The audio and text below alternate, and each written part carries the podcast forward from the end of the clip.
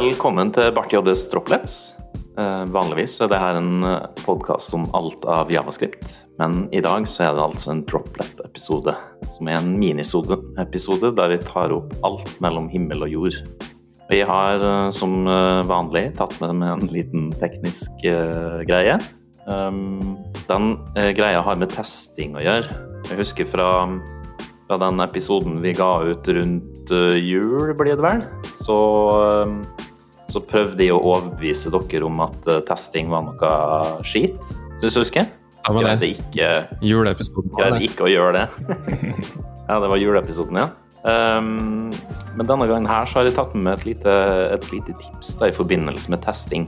Um, for for meg, når jeg skal teste noe på frontenden, så har jeg ofte gått til Cypress i det siste. Og i Cypress så så må man jo egentlig Det er jo en ende-til-ende-test du skriver der, da, så du laster faktisk nettsida di i, i en uh, Cypress-kontrollert browser, og den utfører masse instruksjoner som du har, uh, du har bedt den om å gjøre da, via kode.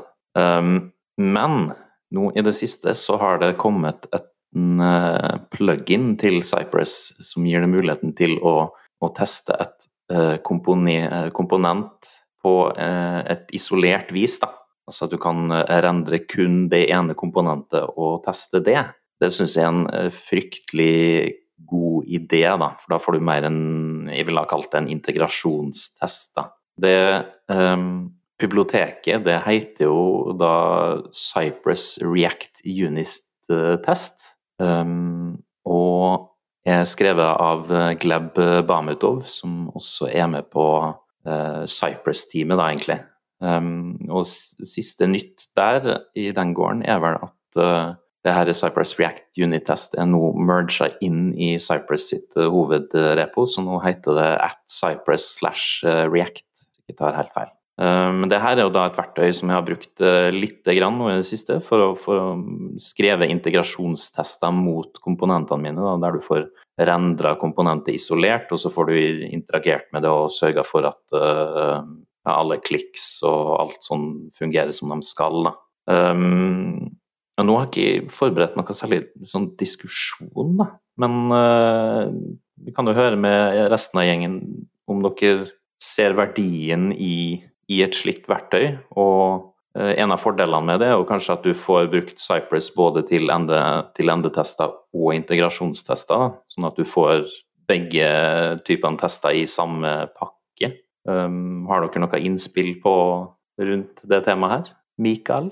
Ser ut som at du tenker. Mm, Nei. Eh, jeg, ikke, det- jeg har ikke prøvd det. Alfani hadde innspill.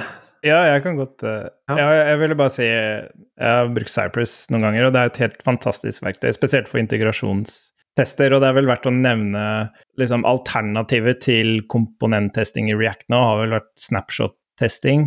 Så du eh, Som i seg selv også er en utrolig snedig måte å, å teste på. Jeg er, vel, jeg er vel litt i den leiren der at ok, hvis du må skrive en unit-test for komponenten din, så er komponenten din for kompleks. Um, men det er bare noe jeg, uh, en leir jeg på en måte har valgt å være i bare for å slippe å skrive unit-tester for komponenter.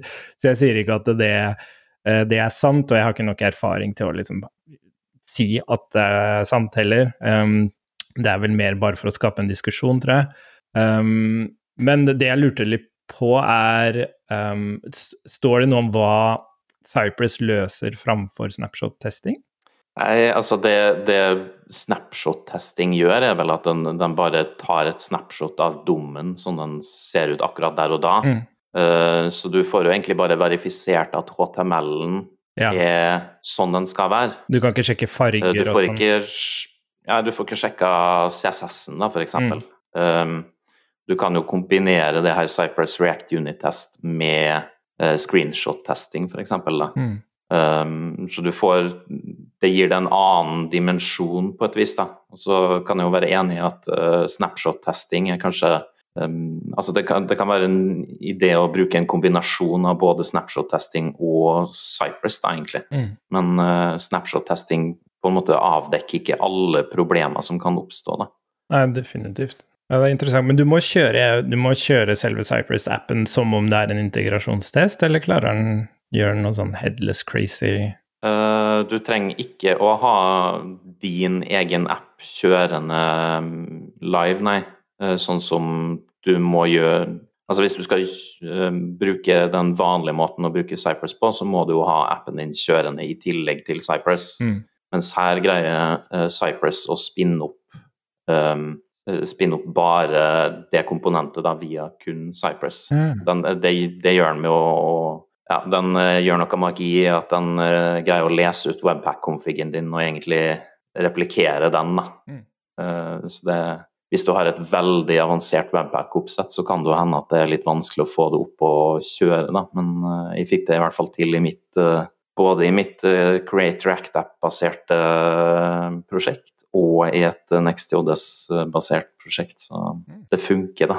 Forutsatt en tydelig disiplin på For du sier integrasjonstester, men så er det også enhetstester, ikke sant? Men, men um, forutsatt en slags disiplin på uh, det som tidligere har vært kalt liksom, dumme og smarte ting. altså dumme og smarte komponenter. Eller i hodet mitt så tenker jeg mer på dem som eh, domene-kunnskapsrike dokumenter vers, nei, komponenter versus eh, uh, hva skal vi si grunnsteiner, på et vis.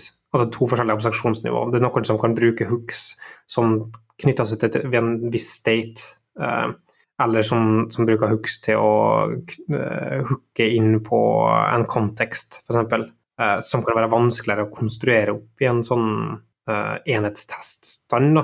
men gir mening i en integrasjonstest, men da uh, kan det òg være vanskeligere å få til det på en god måte som gir mening, uten liksom ordentlig property-based uh, tilnærmingsmåte. Ja, for hvordan er det du bruker det, Christian? Er det for sånne, sånn som Michael sier, sånne dumme UI-komponenter som ikke bruker noe fra React sin kontekst og sånn, eller kan du liksom bruke hvilken som helst komponent, og så klarer den bare magisk å tilrettelegge for ting? Du kan jo Altså, det du får fra den uh, Cypress React Unit-test, er at du får en mount-funksjon der du kan uh, supplye JSX inn ah. i den mount-funksjonen. Mm.